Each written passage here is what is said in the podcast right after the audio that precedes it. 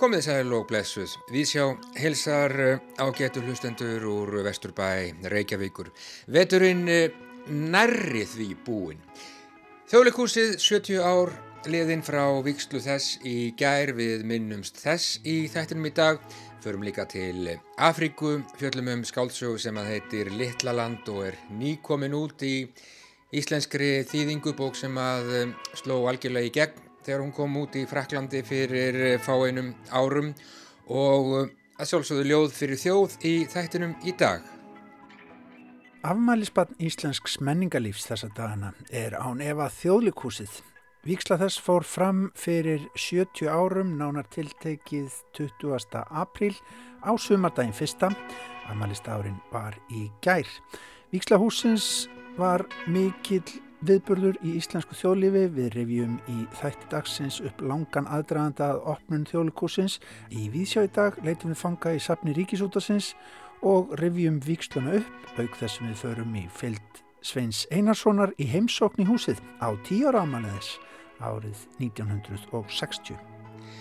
Skálsagan Littlaland eftir rítöfundin og tónlistarmannin Gail Faye kom út á frönsku árið 2016 og uh, sló þá algjörlega í gegn. Bókin hefur selst í 800.000 eintökum í Fraklandi og verið þýtt á svo sem eins og einn 30 tungumál. Fæi hefur fengið fjölda viðkenninga fyrir þetta verk sem að gerist í Afrikuríkinu Burundi þar sem höfundurinn fættist árið 1982 og sömulegðis í Rwanda í upphafi tíunda áratugar síðustu aldar á tímum borgarastriðs og þjóðarmorðs en eh, á þremur löngum mánuðum árið 1994 var ein miljón tutsa myrt í Rúanda. Hræðilegir viðburðir sem að eru í bakgrunni þessarar bókar sem að er líka uh, óður til uh, bensku og sakleysi sem við ætlum að ræða við uh, þýðandaverksins rannveigu Sigur Gerstóttur í Víðsjá í dag og hlustendur heyra að venju ljóð fyrir þjóð af sviði Amalisbatsins af stóra sviðinu í þjóðlikursinu Ólafía Hrönn Jónsdóttir leikona les í dag ljóðið Mitt var starfið eftir Theodoru Tórótsen En við byrjum í fjarlægu landi í ekki svo íkja fjarlægri fortíð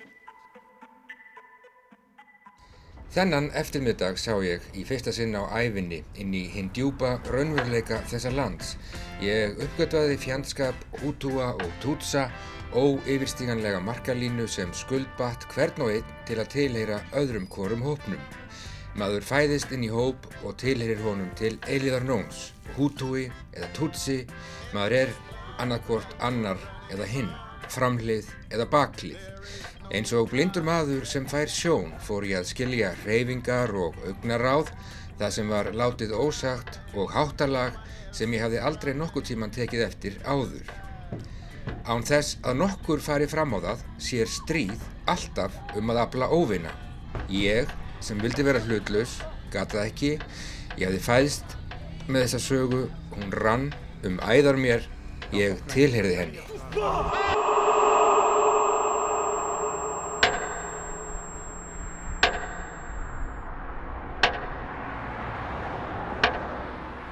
Við erum stött í Bújumbúra á getur hlustendur höfuborg Afríkuríkisins Búrundi á tíunda áratug síðustu aldar.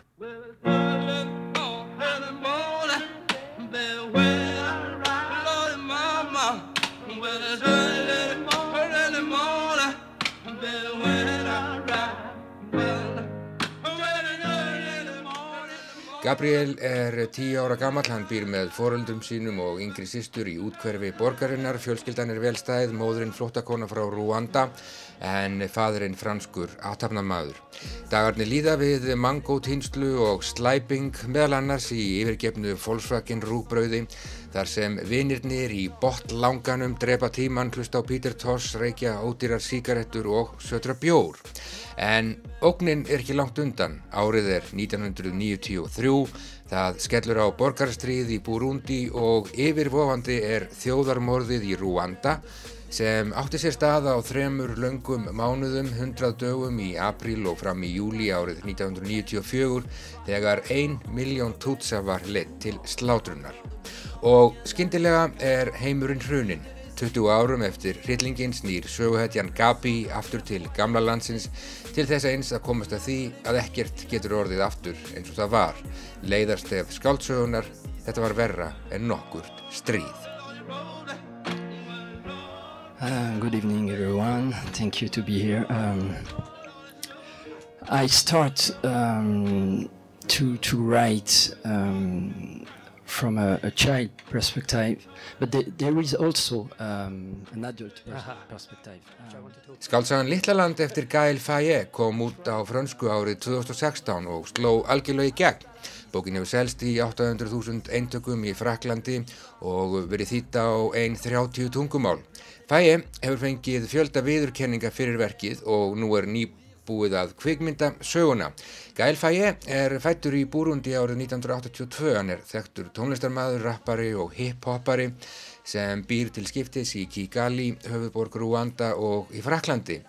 Lillaland er hans fyrsta skáltsaga. Hún kom út nú á dögunum í íslenskri þýðingu Rannvegar Sigurgeirstóttur hjá bókaforlæginu Ángústúru Þetta er ellefta skáldverkið sem kemur út í engar vænlegri áskriftaröð Angustúru. Já, Lillaland sjálfsæfi sögulegt verk að einhver leiti byggt á reynslu höfundar sem sannarlega yfirgaf heimalandið Búrúndi ungur og leitaði skjóls í Fraklandi. En skáldskapur þó og á það hefur Gael Faye lagt áherslu í viðtölum.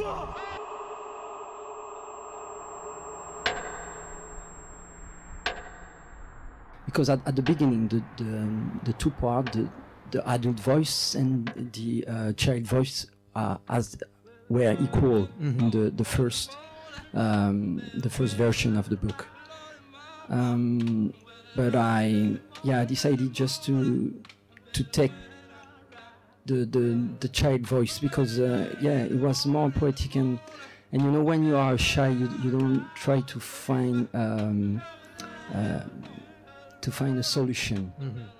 En sannarlega er móður hans frá Rúanda, flúði þaðan Kornung og fadur hans frá Fraklandi.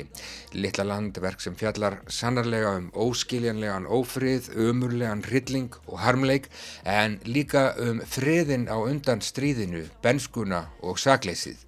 Ég hitti þýðandan Rannvegu Sigurgerstóttur og við spjöldluðum um Littla land sem er hennar fyrsta bókmyndaþeying.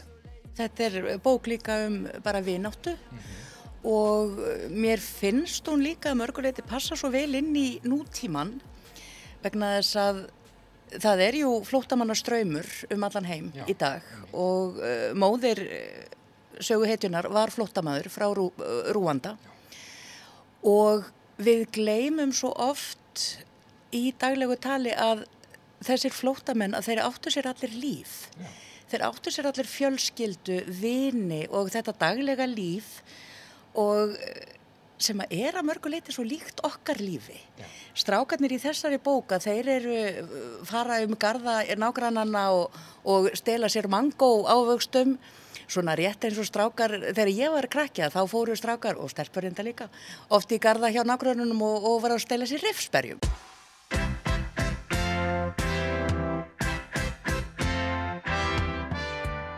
Þetta er svona einum þræði, já, drengja saga, þeir eru þarna eh, saman nokkrir búið þarna í botlanganum og já, komið sér fyrir þarna í Volkswagen rúbrauði þar sem þeir eh, já, hlusta á Peter Toss, reykja útýrar síkarettur og södra bjór og fara svo út að stela mangói. Eh, þetta er bók, já, um sannlega stríðið og ófriðin sem var algjörlega hræðilegur þarna en þetta er líka bók um, hvað ég voru að segja, kvundægin og, og friðin á, á undan, undan stríðinu. Já, já, algjörlega. Mm og eh, svona hvernig líka barnið eh, upplifir þessar breytingar sem er að verða í þjóðfélaginu.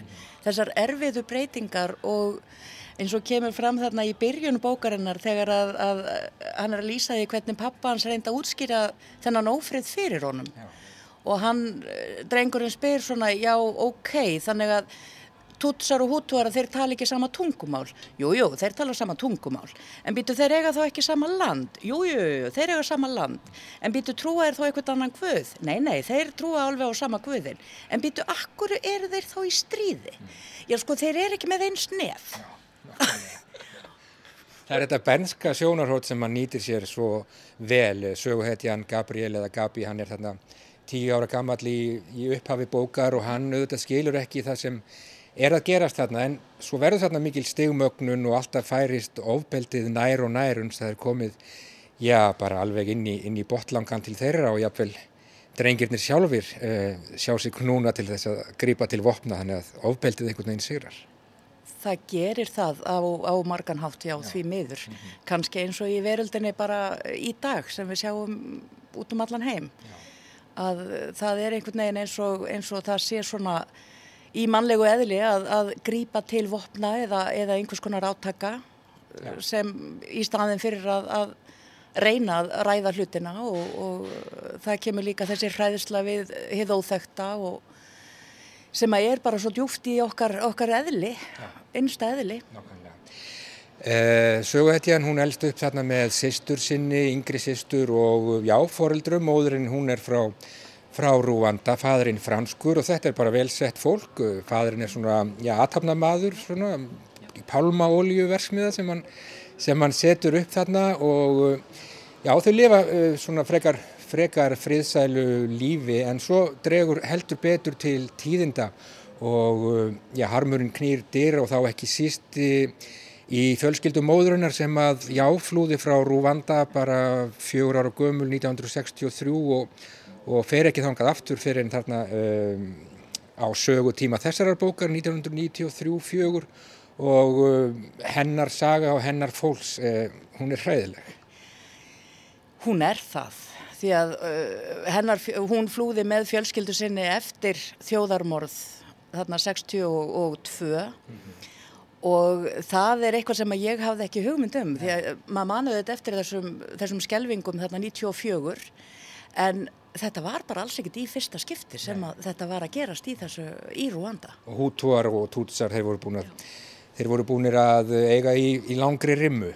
Þeir voru það Já. og það sem er líka svolítið sérstakt að það er ekkert sko þetta Þetta eru ekki vel skil, eða voru ekki vel skilgreindir ættbolkar því að Nei. þetta var tilbúið af belgiskum nýrönduherrum og ef að hútúa gekk vel í lífinu að þá gæti hann unnið sig upp í að vera tutsi. Þannig að það var ekkert í útliti eða í tungumáli eða nokkur skapaða hlutur sem að í raun og veru aðskildi þessa, þessa ættbolka. Nei. Þannig að þetta voru, sko, tutsatnir voru alltaf við völd þó að þeir væri í miklu minni hluta og þannig að þetta, voru, þetta var í raun og veru valdabaróta. Frekar heldur en ættbolka erjur eins og þetta kannski leit út. Já og fór þannig að, miljón tútsar voru drefnir þarna frá því í apríl uh, og fram í júli árið 1994 en uh, já uh, þessir sögulegu viðburðir sem maður mann eftir og, og skildi ekki þá og kannski ekki enn þeir eru þarna í, í bakgrunni. En þetta er náttúrulega skáltsaga og höfundur Ungæl Fæ hann hefur lagt á það áherslu og þetta sé ekki æfisaga þó að margt sé öruglega líkt með því sem hann uppliðið sjálfur á, á eiginskinni. Já, alveg öruglega en eins og þú segir, hann leggur ríka áherslu á það, þetta sé ekki sjálfsæfisaga. Nei. En auðvitað var hann á sveipuðum aldri, hann er sjálfur fættur 823, þannig að hann er á mjög sveipuðum aldri og Gabi þegar að, að þessir atbyrður eiga sér stað og ég efast ekkit um það að hann hefur farið um garda nágrannuna með laungu stöngina sína og, og nælt sér í mangó og, og, og hann hefur verið að sigla niður ánað þarna á banana trís löfblaði sem að annotaði sem fleka og annað þess áttar en, en, en ég veit að pappans er ennþá í lífi Já. og þannig að þetta er alls ekki eitthvað sem hann upplifði og ég Já. veit í sjálf og sér ekkert um hans sko fjölskyldaðistöður eh, frá móðurinni Nei að hvort að hún hafi flúið á sínum tíma eins og, eins og mamma Gabís. En hann leggur mjög mikla áherslu á það. Þetta er ekki eitthvað sem hann upplifir sjálfur.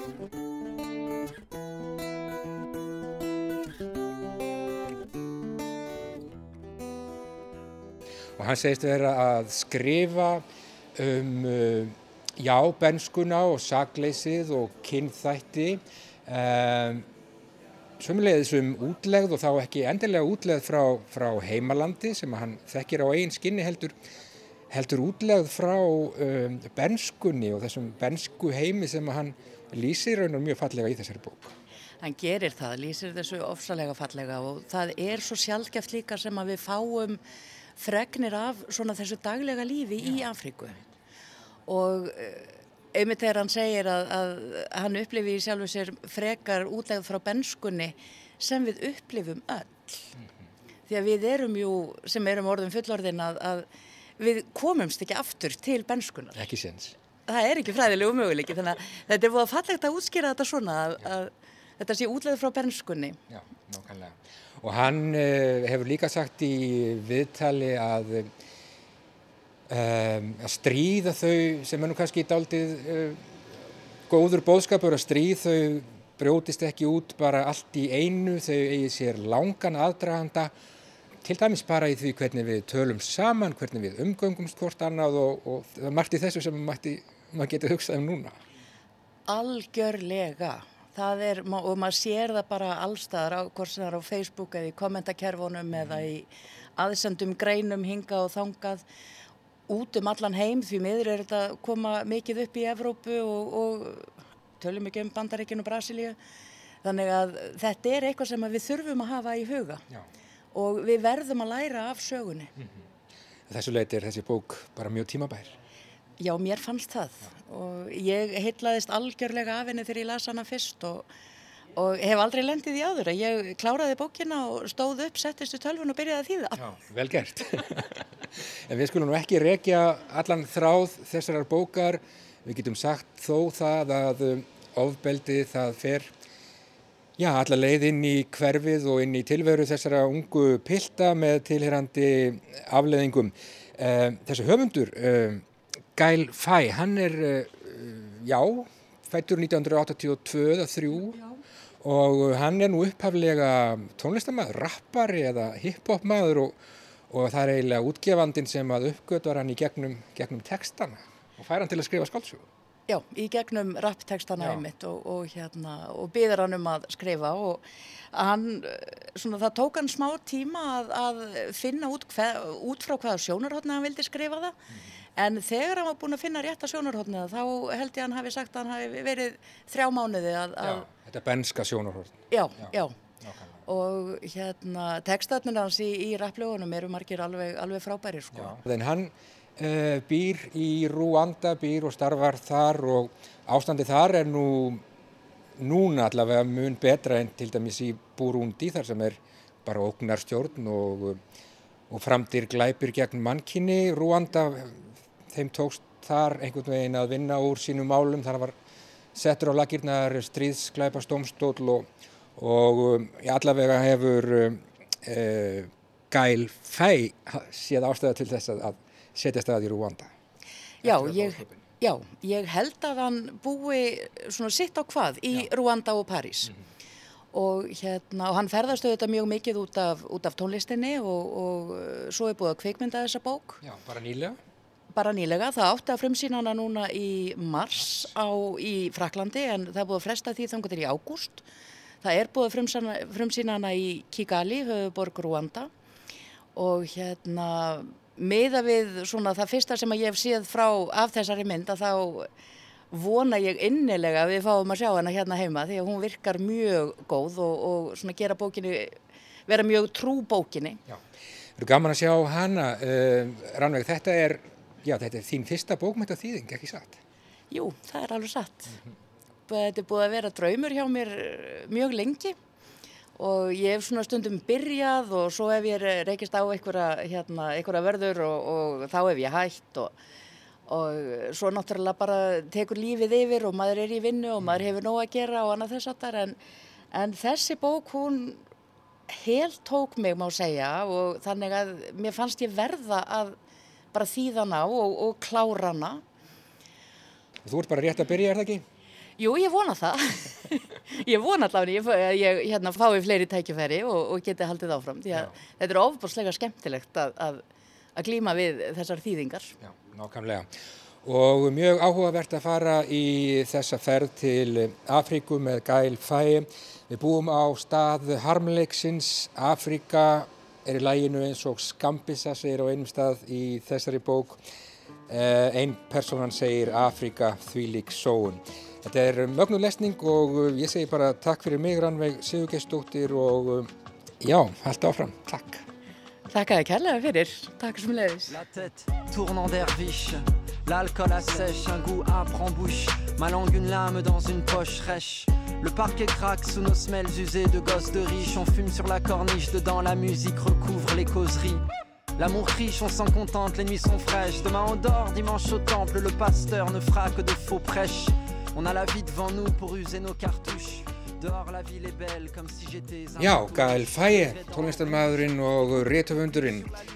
Hér með lag frá um, árinu 2019, fyrsta skáltsaga hans Littlaland komin út á um, íslensku og um, er það vel bók sem að gerist í Burundi og Rwanda á árunum 1993 og 1994 og já, hefur algjörlega slegið í gegn mjög víða og um, nýbúið að kvikmynda söguna en sjálfsagt að mæla með þessari bók sem að kemur út í þessari venilegu áskriftar ritröð hjá bókaforlæginu Angustúru. En Guðni Tómasson, uh, 70 ár liðin í gær frá Víkslu þjóðleikúsins. Já, við skulum hverfa aftur um 70 ár. Gestir í stóra salnum í þjóðleikúsinu eru í sínu allra, allra fínasta pússi. Konurnar með pelsa og aukslum og eh, kallarnir með orður í barmi. Það er verið að výja þjóðleikús Íslandinga eftir langa og stranga byggingarsögu. Formaður þjóðleikúsráðs tekur til máls.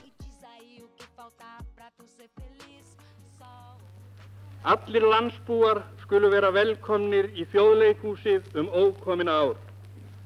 Þetta hús á að vera þjóðarinnar hús um leið og það er þjóðlegt og alþjóðlegt leikhús, skemmtistaður og menningarstofnun. Hér á að vera víi til varðveislu og eblingar þjóðlegra verðmæta, lífs og listar.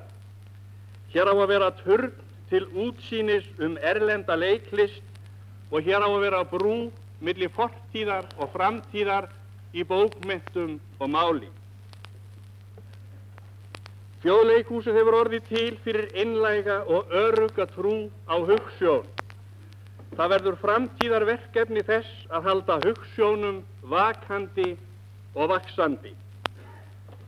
Þegar við komum saman á leiksýningu hér í fyrsta sinn er svo spurning efst á baui hverjar eru þær hugssjónir og hver eru þau verðmæti sem réttlæti það eða gerir það nöðsynlegt að þetta þjóðleikús sé til og fái að starfa af alefli. Hugssjónin er svo að íslensk menning á grundvelli íslenskrar tungu lifi í landinu sínum sérkennilega og sjálfstæða þroska en í lífandi tengslum við umheiminn. Þess vegna á þjóðleikúsið að verða musteri íslenskrar tungu í bundnu og óbundnu máli. Það á að verða leikvangur tómstundanna og vigvöllur hugssjóna og gagnrýni þar sem henn rýsa þó heilir og sáttir að morgni eftir bardaga kvöldsins. Verðmæti þjóðleikúsins eru verðmæti fegurðar og gleði, en án þeirra er fátækt jafnvel í ríkmannlegasta líf.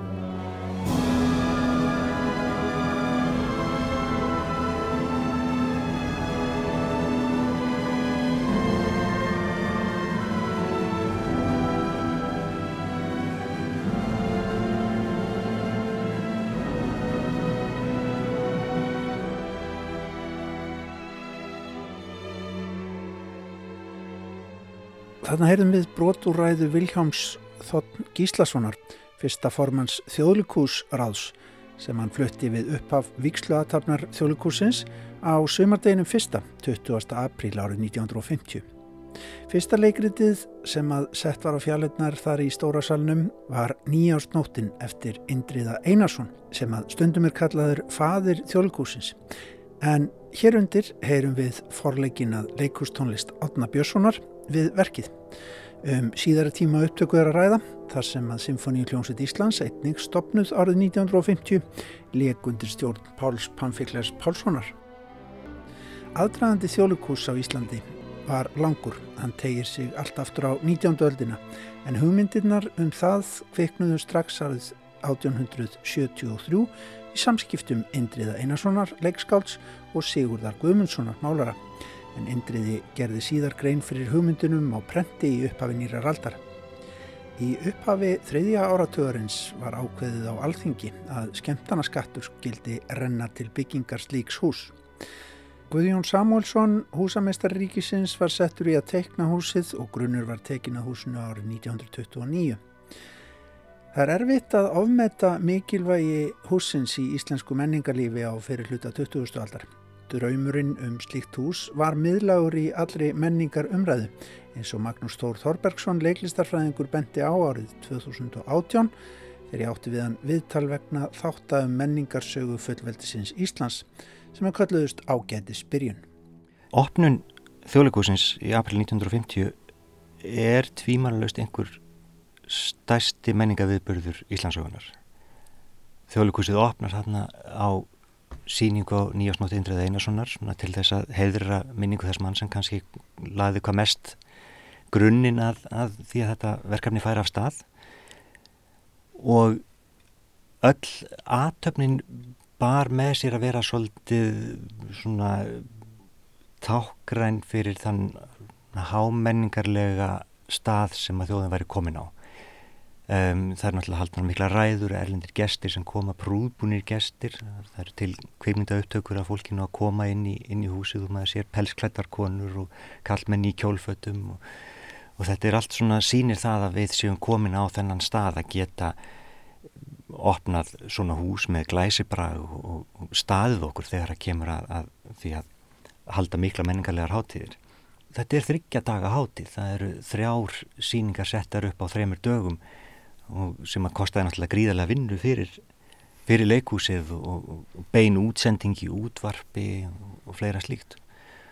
Það er kannski svolítið svona grátlegt að segja frá því að Guðjón Samuelsson sem að teknaði þetta hús og vann við það í byggingu síðustu dagana fyrir opnu þjóðleikúsins þá var hann hangandi utan á húsinu sjálfur til þess að sjá til þess að hann næðist örgulega að klára sem gera það verkum að hann vektist svo heftarlega að hann komst aldrei inn í þjóðleikúsið eftir opnun heldur hlustaði á útsendinguna í útverfinu og lést nokkrum dögum eftir að húsið opnaði. Hugmyndinum Íslands þjóðleikús var nátengt hugmyndinum um fullveldi þjóðarinnar. Helsta rauksendafæslan fyrir byggingu þjóðleikús var svo að það var ekki nóg að vera pólitíst fullvalda, við yrðum að vera menningarlega fullvalda þjóð líka. Og til þess að vera menningarlega fullvalda þjóð þá þurfum við að hafa þessar helstu menningarstofnir og þar var þjóðleikúsi mjög mikilvægt inn í allir þeirri, þeirri umræðu. Þannig að það er svona um og upp úr 1918 sem að krafanum þjóðleikús fer vaksandi og, og nærloksins inn á alþingi 1923 þar sem að er samþýgt að setja á skemmtarnarskatt til að fjármagna byggingu þjóðleikús. Þjóðleikúsið náttúrulega fer af, af, af stað undir lok þriðáratugans. Það farið í það að byggja, byrja að byggja þjóðleikús 1928-9 og það má segja það svona þessi vonum þjóðleikús liti allt leikúslífið á þriðáratugnum. Um, kreppan setur síðan svolítið stryk í reikningin þannig að skemmtarnarskatturinn sem átt að fjármagna leikúsið var tekin af því og, og settu bara í ríkisjóð þannig 1932 þá stöðvast framkvæmdir við þjóðleikúsið næstu rúmlega tíu árin stendur þjóðleikúsið óhreift við hverju skotuna eh, tilbúðundi treverk svo að segja Herman Jónasson fórsættisráð þeirra í útásáarpi 10. mæ 1940 Þau tíundi hafa gerst að breskur herskipafloti kom til Reykjavíkur snemma í morgun og seti hér á land hóp herrmanna sem hafa hefði ekki Reykjavík og nokkra aðra staði. Þegar breski herin nefnuland þá ganga þeir beint inn í þetta stóra tóma hús á hverjuskötinni og taka það yfir þjóðleikusið, nota það sem byrðagemslu og, og svefnskála og ég veit ekki hvað annað. En þetta var efni til mikilvæg nexlunar. Þarna væri verið að taka þessa von um það að Ísland geti talist menningarlega fullvalda þjóð og brjótana algjörlega nýður. Þetta þótti vera alveg botnin á smáninni sem við hefum verið að horfa upp á allan ára tögin á undan. Þetta hálfbyggða hús við hverjuskotuna var þarna tekið og, og, og nýðurlegt. Og strax í kjölfari þá er félag íslenska leikara stopnað meðal hann sem svona þrýstjafl til þess að, að klára þjóðleikúsið, koma hernum út úr húsinu og klára byggingu húsins. Lárus Pálsson er meiri segja eh, sendur til Breitlands, hann fekk styrk frá British Council til þess að fara til Breitlands í miðjustriðinu 1942 og fer þar meðal hans á fund hjá breskum hermála yfirvöldum til þess að fá það til þess að yfirgefa þjóðleikúsið. Svar breyta var mjög einfalt. Þetta er stæsta húsið í bænum sem að stöndu tómt og við munum nota það vegna þess að það er það sem að okkar hersata krefst. Um, það tókst samt á endanum að koma hernum út úr húsinu og það má segja að það sé nátengt líðveldistofnun 1944 þegar líðveldistofnað þá tekst að fá breyta út úr húsinu og framkvæmdir fara af stað aftur. Þannig að þjóðlikúsið sem að upphálega er raunni ákveðið viðbrað við fullveldinu og svona tilvægum til þess að gera okkur menningarlega fullvalda það verður þarna aftur partur af svona sjálfstæðis hugssjón að, til þess að, að sína við getum verið sjálfstæð þjóð þá þurfum við að standa við okkar og klára þetta hús. Og loks á sumardaginn fyrsta 1950 var það Björn Ólafsson þáverandi mentamálaráður að sem að opnaði þjóðlíkúsið formlega og saði meðal hans þetta við það tækifæri. Þennan stað, þetta svið, helgar þjóðin listamann sínum.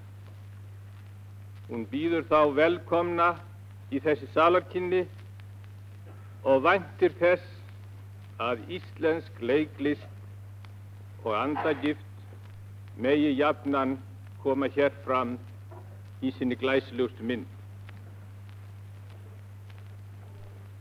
Um leið og ég að síðustu ber fram þá ósk að heill og blessun megi jafnan kvíla yfir þessu húsi, þá lýsi ég yfir því að þjóðleikús Íslendinga hefur tekið til starfa.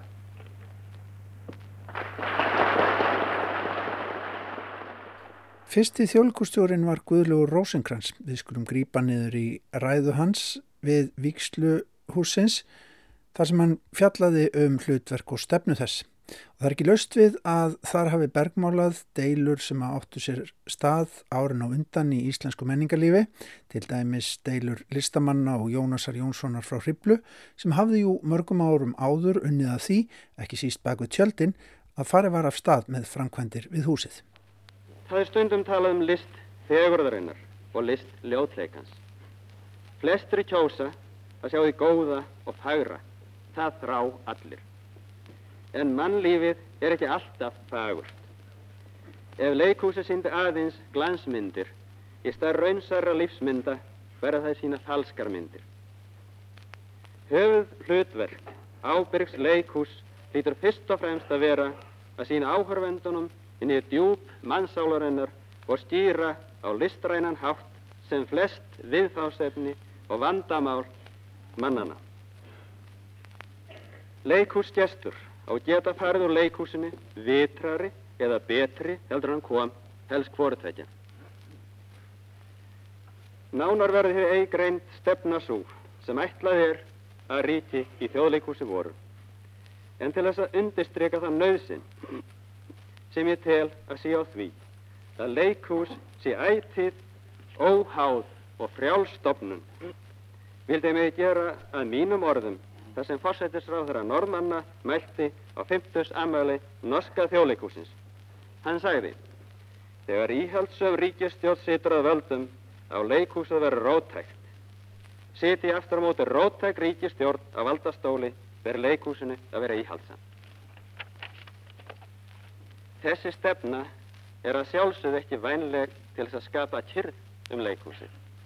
En eftir því sækist ekkert leikús afskiptaleysi um þjóðleikhúsið og lognmótla í kringum það verða hættulegasta sem fyrir það gett komið. Saði Guðlúur Rósinkrans þjóðleikústjóri í viksluraðu sinni.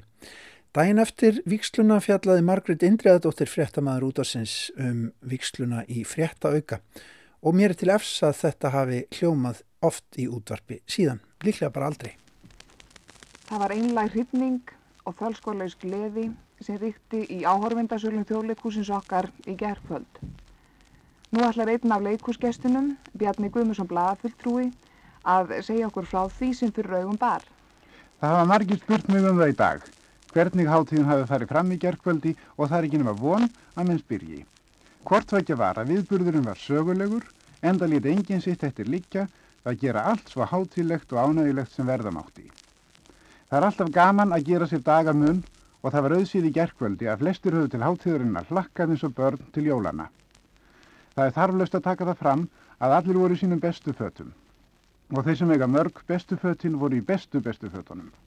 Ekki má heldur gleyma því að þessum flotið hafa orður og ennur heiðusmerki fengu þarna tækifæri til að skrýðast skarti sínu, sumir meira segja fyrsta skipti, eins og sumir leiklistamennir sem einmitt höfðu fengið heiðusmerki fálkaorðunar í þessu tílefni. Það var afar leiðinlegt að fórsett Íslands skildi ekki geta verið viðstættur þessa aðtöfn, en hann er nú í syklingu sér til heilsubótar. Í hans stað leiti fórsættisráðherran fórsetafrúna til sætis í fórsetastúkunni. Ansbænist þeim í hægri stúkunni sátu utanríkisráðherra og atvinnumálaráðherra, en á fremsta bekk sátu fjármálaráðherra, landbúnaðaráðherra og mentamálaráðherra sem tók við húsinu fyrir hönd ríkistjórnarinnar. Þar sátu líka forraðamenn leikhúsins og margt stórmenni, erlendir gestir og innlendir sem aflangtirðu upp að telja.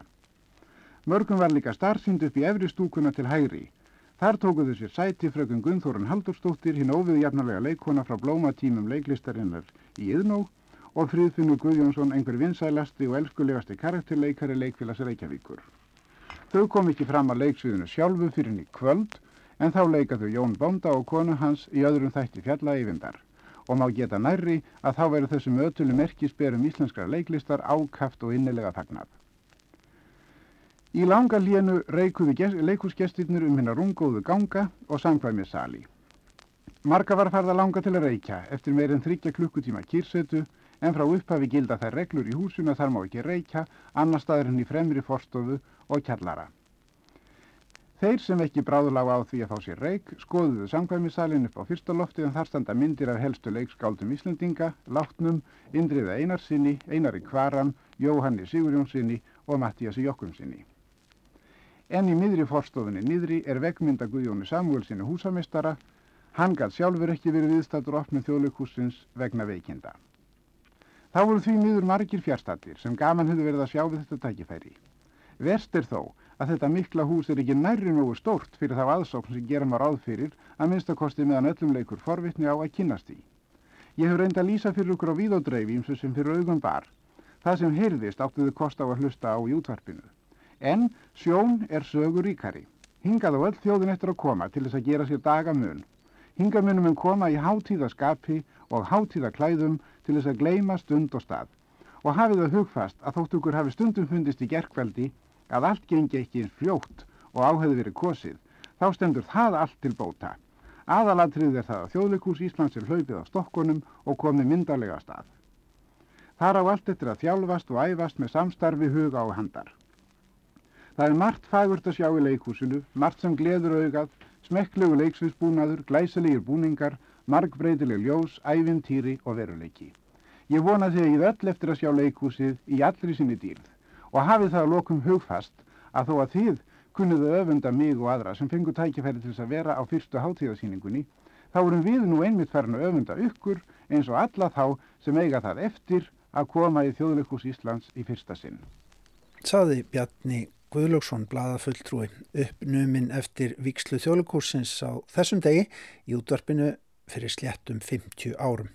En Margret Indriðadóttir rætti einnig við Önnu Borg leikonu, eina þekktustu leikonu þess tíma og þá fyrstu til að leggja fyrir sig námi í leiklistaskóla konunglega leikúsins í Kaupmannahöfn. Öll byrjun er erfið. Byrjun á ungu þjóðveldi, byrjun á nýju þjóðleikúsi. Svo hugsun var mér efst í huga er ég fyrsta sömardag gekk upp tröppur þjóðleikús Íslands. Að byrja að skýra frá tilfinningum mínum þann hátíðsdag er líka erfitt. Því enginn getur heyrt þann hjarslátt sem gagn tók mig og sem nú kemur að mér aftur er ég ávarpa yfir hjartkæru samlandar mínir. En engan skal undra þótt að hræru íslensk hjörtu er vikt var musterið þar sem heyrast hjartaslög þjóðarinnar sjálfrar. Svo var tjaldið dreið frá og allt sem augum mín sáu var nýtt og fagurt. En hugurinn reikaði ávald tilbaka og ég fylltist þakklæti til þeirra brautriðjanda lífs eða liðina sem með þrótlausu og listrænu starfi hefðu lagt undurstöðuna að þessari miklu menningastofnu. En jafnframt því sem ég leitt aftur, þá sá ég framtíðina í glæstu ljósi þeirra miklu möguleika er en ágætu ytri skilirði nú skapa íslenskri leikmenningu. Hrærð og hrifin óska ég íslensku þjóðinu til hylla með því nýja þjóðleikus og óska starfsmönnum þess láns og lukku og megi gæfan byggja bæin. En atvinnu þjóðleikus var byggt á áratuga áhuga mennsku um land allt og næsti viðmælandi Margreðar Eindreðadóttur var til vitnis um það. Eithór Stefánsson, framkvæmdastjóri leikfélags Söðakrós, er einn af fulltrúum leikfélagana utan Reykjavíkur sem til hátíðarinn var bóðið. Hann segir okkur nú frá því hvernig honum kom um nýja leikhús og leiksýningin í gerðvöld fyrir sjónir. Ég get með sannlega sagt að í hálgerðri leiðslu gekk inn í sali þjóðleikhúsins. Ég var öndarlega heitlaður af öllu sem fyrir augun bar.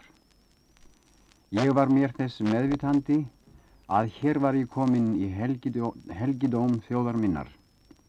Ég var þáttakandi og áhorfandi að síðasta þætti hins mikla draums er skakfyrringarnir tveir, Sigurdur Guðmundsson og Indriði Einarsson leti sig dreyma. Hér var allt fullkomnað. Hér ríkti mikil og sterk hátíðastemming yfir öllu. Ekki laust við að mér fannst allir verið eitthvað svolítið tauga óstyrkir. Mér var hugsað til vina minna og kunningja sem háði sína hörðu frumraun á leiksviðinu. En þeir stóðust allan vanda og skiluðu glæsilegri leiksýningu. Ég vil nota þetta tækifæri hér við hljóðnumann til þess að óska þjóðinni til hamingu með þetta glæsilega musteri íslenskar leiklistar. Og ég vil svo að endingu hafa yfir tvö síðustu erindin úr hvæði til þjóðleikúsins frá leikfélagi Söðarkós. Ég gleðst með þér þjóð mín við háfa höllu og háfa mál eins nýja dags.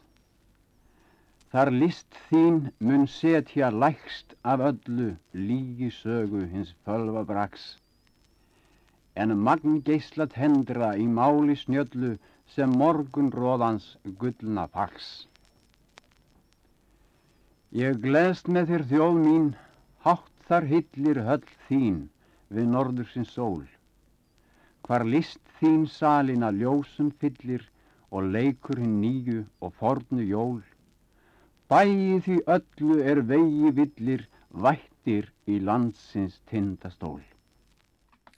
Hvaði á skagaferði til ný opnans þjólikurs árið 1950.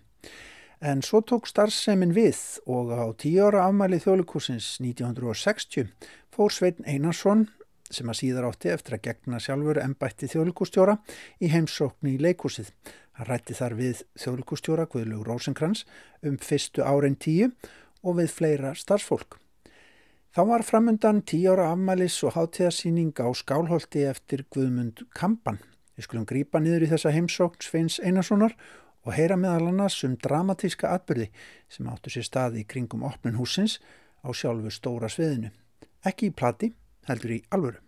Nú skulum við koma hér upp í búningsherbyggi leikarana og hér inn í einu þeirra situr hans herradómur Brynjólfur Biskup.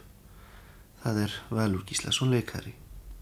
Tíu ár hjá þauðlugkúsinu. Finnstu þur breytingar miklar í leiklistinni hjá okkur þessum árum?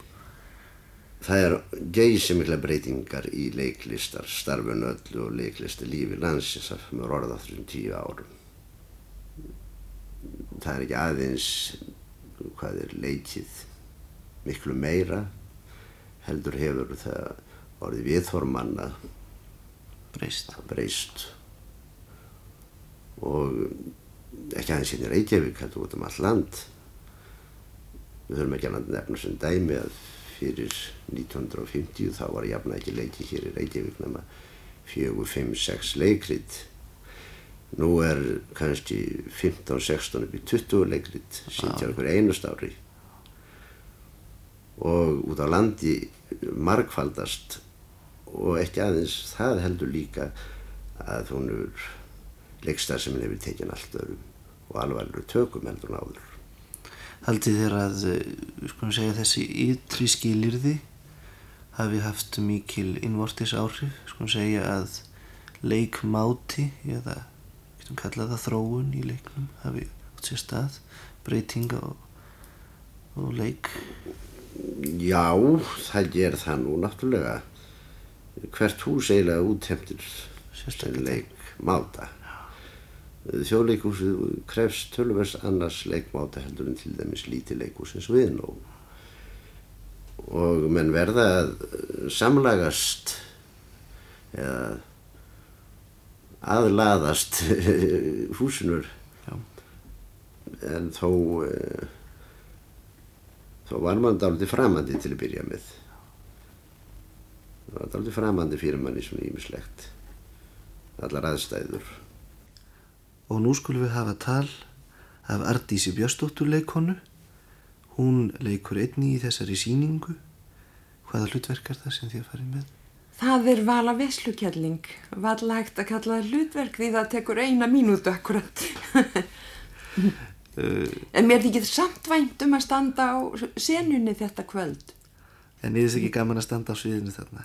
Já, kvöld? sérstaklega því að þetta er uh, svo það eru bunna svo mikla minningar við þetta og við sem höfum þráð þjóðleikúsi allt okkar líf okkur þykir svo vænt um þá og það standið ofta þessum fjölum já, en ég skal segja ég, mér finnst ekki ég standa nóg oft já, já. ég vil gætna vinna mikið meir fyrir þetta þjóðleikús en það er náttúrulega maður orðin það gama allar maður getur ekki allast til þess að það sé alltaf hlutverk fyrir mann Það var sögulegt hjá Íður, var það ekki fyrsta skipti sem stóðið á þessum fjölum? Jú, það má nú segja. Það var nefnilega viku fyrir, þá fór ég út á senu, þar sem ég ekki átti erindi. Ég, það var myrkur og ég fór onni aftur á baku onni orkestergröfina og, og, og brauti mér þrjá hryggjarliði. En svo hafði ég svo dásamlega læknir Snorra Hallgrímsson og hann kom til mér morgun eftir á spítalanum, það, ég var flutt í spítalan strax, hann kom til mér og sagði að hann vildi bjóða mér að vera á þessari síningu, ég átt að leika í nýjárnóttinni. Ef ég vildi undirgangast það að taka ekkert deyfandi meðal og ef ég vildi eftir fjóra daga þóla uh, uh, miklar kvalir í þrjú kortér. Og meðan hann setti gifs á mig og ég sagði all right, er, ég, ég vil allt tilvinna til að standa á senunni þetta kvöld. Svo þegar dagurinn kom og ég var flutt á hann í stofuna sem að handlækningar eru við það þar þá kveið ég afskaplega mikið fyrir. Ég þurfti að standa í þrjúkortjar þannig það voru tveir kandidatar sem heldu mér upp á meðan Snorri Hallgrímsson sett á mig gifsið. En það skritna var að að ég fann ekkert til. Við vorum að skemmt okkur við vorum að tala um ímislegt skemmtilegt og hlæja. En þó vissi ég að í hodnin og móti mér var afskaplega mikil kvöl og ég veit að þér trúiði ekki að því þér hafði ekki upplifað að hvað það var einkennilegt. En ég vissi af kvölinni en hún var, kom ekki nálagt mér svo segir Snorri Hallgrímsson við mig jájá nú er það búið. Mikið hafði þér verið dugleg. Búið segja það getur þú ekki verið. Jújú jú. og þér eru þá mjög dugleg manneskja. En, en ég skildi það ekki. En nokkrum dögum setna kom fólk til mín sem sagði að það hefði beðið fyrir mér þarna þennan tíma því það vissi að ég átti að undirgangast þessa kvöl. Og síðan hef ég aldrei efast um máttu bænarinnar. Þetta er afskaplega mikil reynsla og falleg og indisleg minning frá þessum degi fyrir tíu árum. Og svo þegar um kvöldið þegar... Já, það var náttúrulega daldi vond því að Snorri Hallgrímsson sagði þér eruð með með æru mína, læknis æru mína í hendum í þar. Svo ég mátti til að passa mig, ég mátti ekki beigja mig fram, ég mátti til að ganga á vissan hátt, ég mátti ekki reyka mig á. Og ég var náttúrulega ógulega þreytt. Saði Ardi Spjörstóttir leikona sem að rifjaði þarna árið 1960 í þætti Sveins Einarssonar upp tí ára gamla sögu þegar hún fjall ofan í hljómsutargrifjuna í óopnuðu þjóðlikúsi Íslands náði einhvað síður að taka þátt í opnunar hátíðinni. Já, maður verður að segja að fall er farar hell. En þá skiptum við einmitt niður á þetta ágæta stóra svið í þjóðlikúsinu. Þar stendur einn leikarin tilbúin að lesa ljóð fyrir einn gest í stóra salnum. Þetta er ljóð fyrir þjóð. Ágæti leikusgestur Sunna Tryggvadóttir. Vertu hjartanlega velkomin í þjóðlikúsið. Vinsanlegast slögt á farsímanum þó svo ljós frá honum trubli ekki aðra gesti. Góða skemmtun.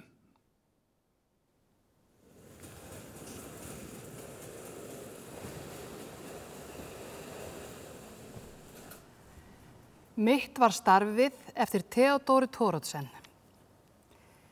Mitt var starfið hér í heimi, heita og kalda daga, að skeina krakka og kempa þeim og keppast við að staga. Ég þráði að leika lausu við sem lamp um grænan haga en þeim eru ekki gefin grið sem götin eiga að staga.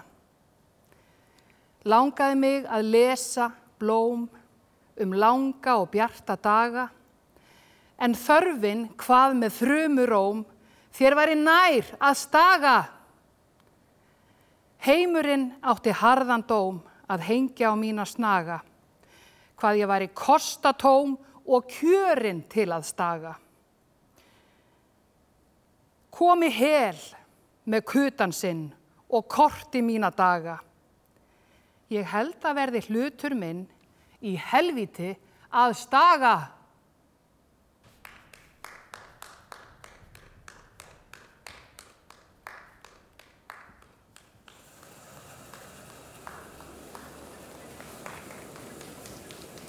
Það var Ólafía Hrönn Jónsdóttir sem að flutti ljóðið Mitt er starfið eftir Theodóru Tórótsen á stóra sviðinu í þjólikúsinu Amali Spatni vikunar í íslensku menningarlífi 70 árliðin frá Víkslu húsins og rétt að óska þjólikús fólki til hamingu með Amalið. Já og nákvæmlega svona líkur þessu hjá okkur hér í Víðsjá í dag.